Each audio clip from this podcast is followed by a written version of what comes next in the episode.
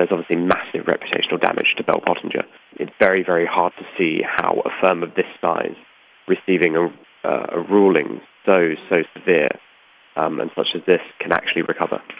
Hopefully, it sends it sends a message that this is the exception and not the rule. Um, that bad practitioners, um, bad work such as this, work which was um, beyond the pale, actually, and has caused serious ramifications um, in South Africa to do with race relations. Hopefully, it sends a message that we are able to crack down this sort of work and that this is the exception, not the rule. Bell Pottinger gaan teen die besluit appeleer. Die bestuursraad vir die vereniging sal maandag vergader om die appel te oorweeg. Dan McAfee sê hoewel die maatskappy geskort is uit 'n Britse vereniging, dit nie beteken dat hulle elders in die wêreld ongemerk kan voortgaan met hulle werk nie. You cannot as it were disregard um the context in which you're operating and just because you happen to be a UK firm doesn't mean you can conduct yourself as though you're above or completely separate from uh, the ethical and race relations context in South Africa, which are obviously huge.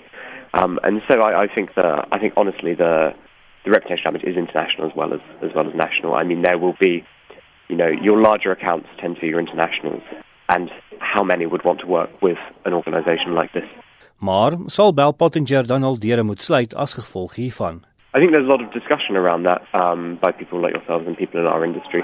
Lord Bell, who obviously founded the company and is, is since no longer a part of it, said last night on Newsnight in the UK that uh, he he didn't see it continuing. He thinks it's it's, it's curtains.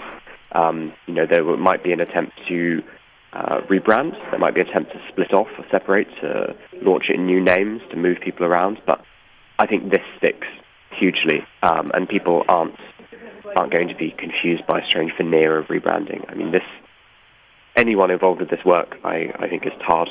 Don McAfee kon nie antwoord oor hoe Bell Pottinger boete kan doen aan Suid-Afrika nie. I know there's lots of discussions, um, especially from like the Democratic Alliance about what they'd like Bell Pottinger to do.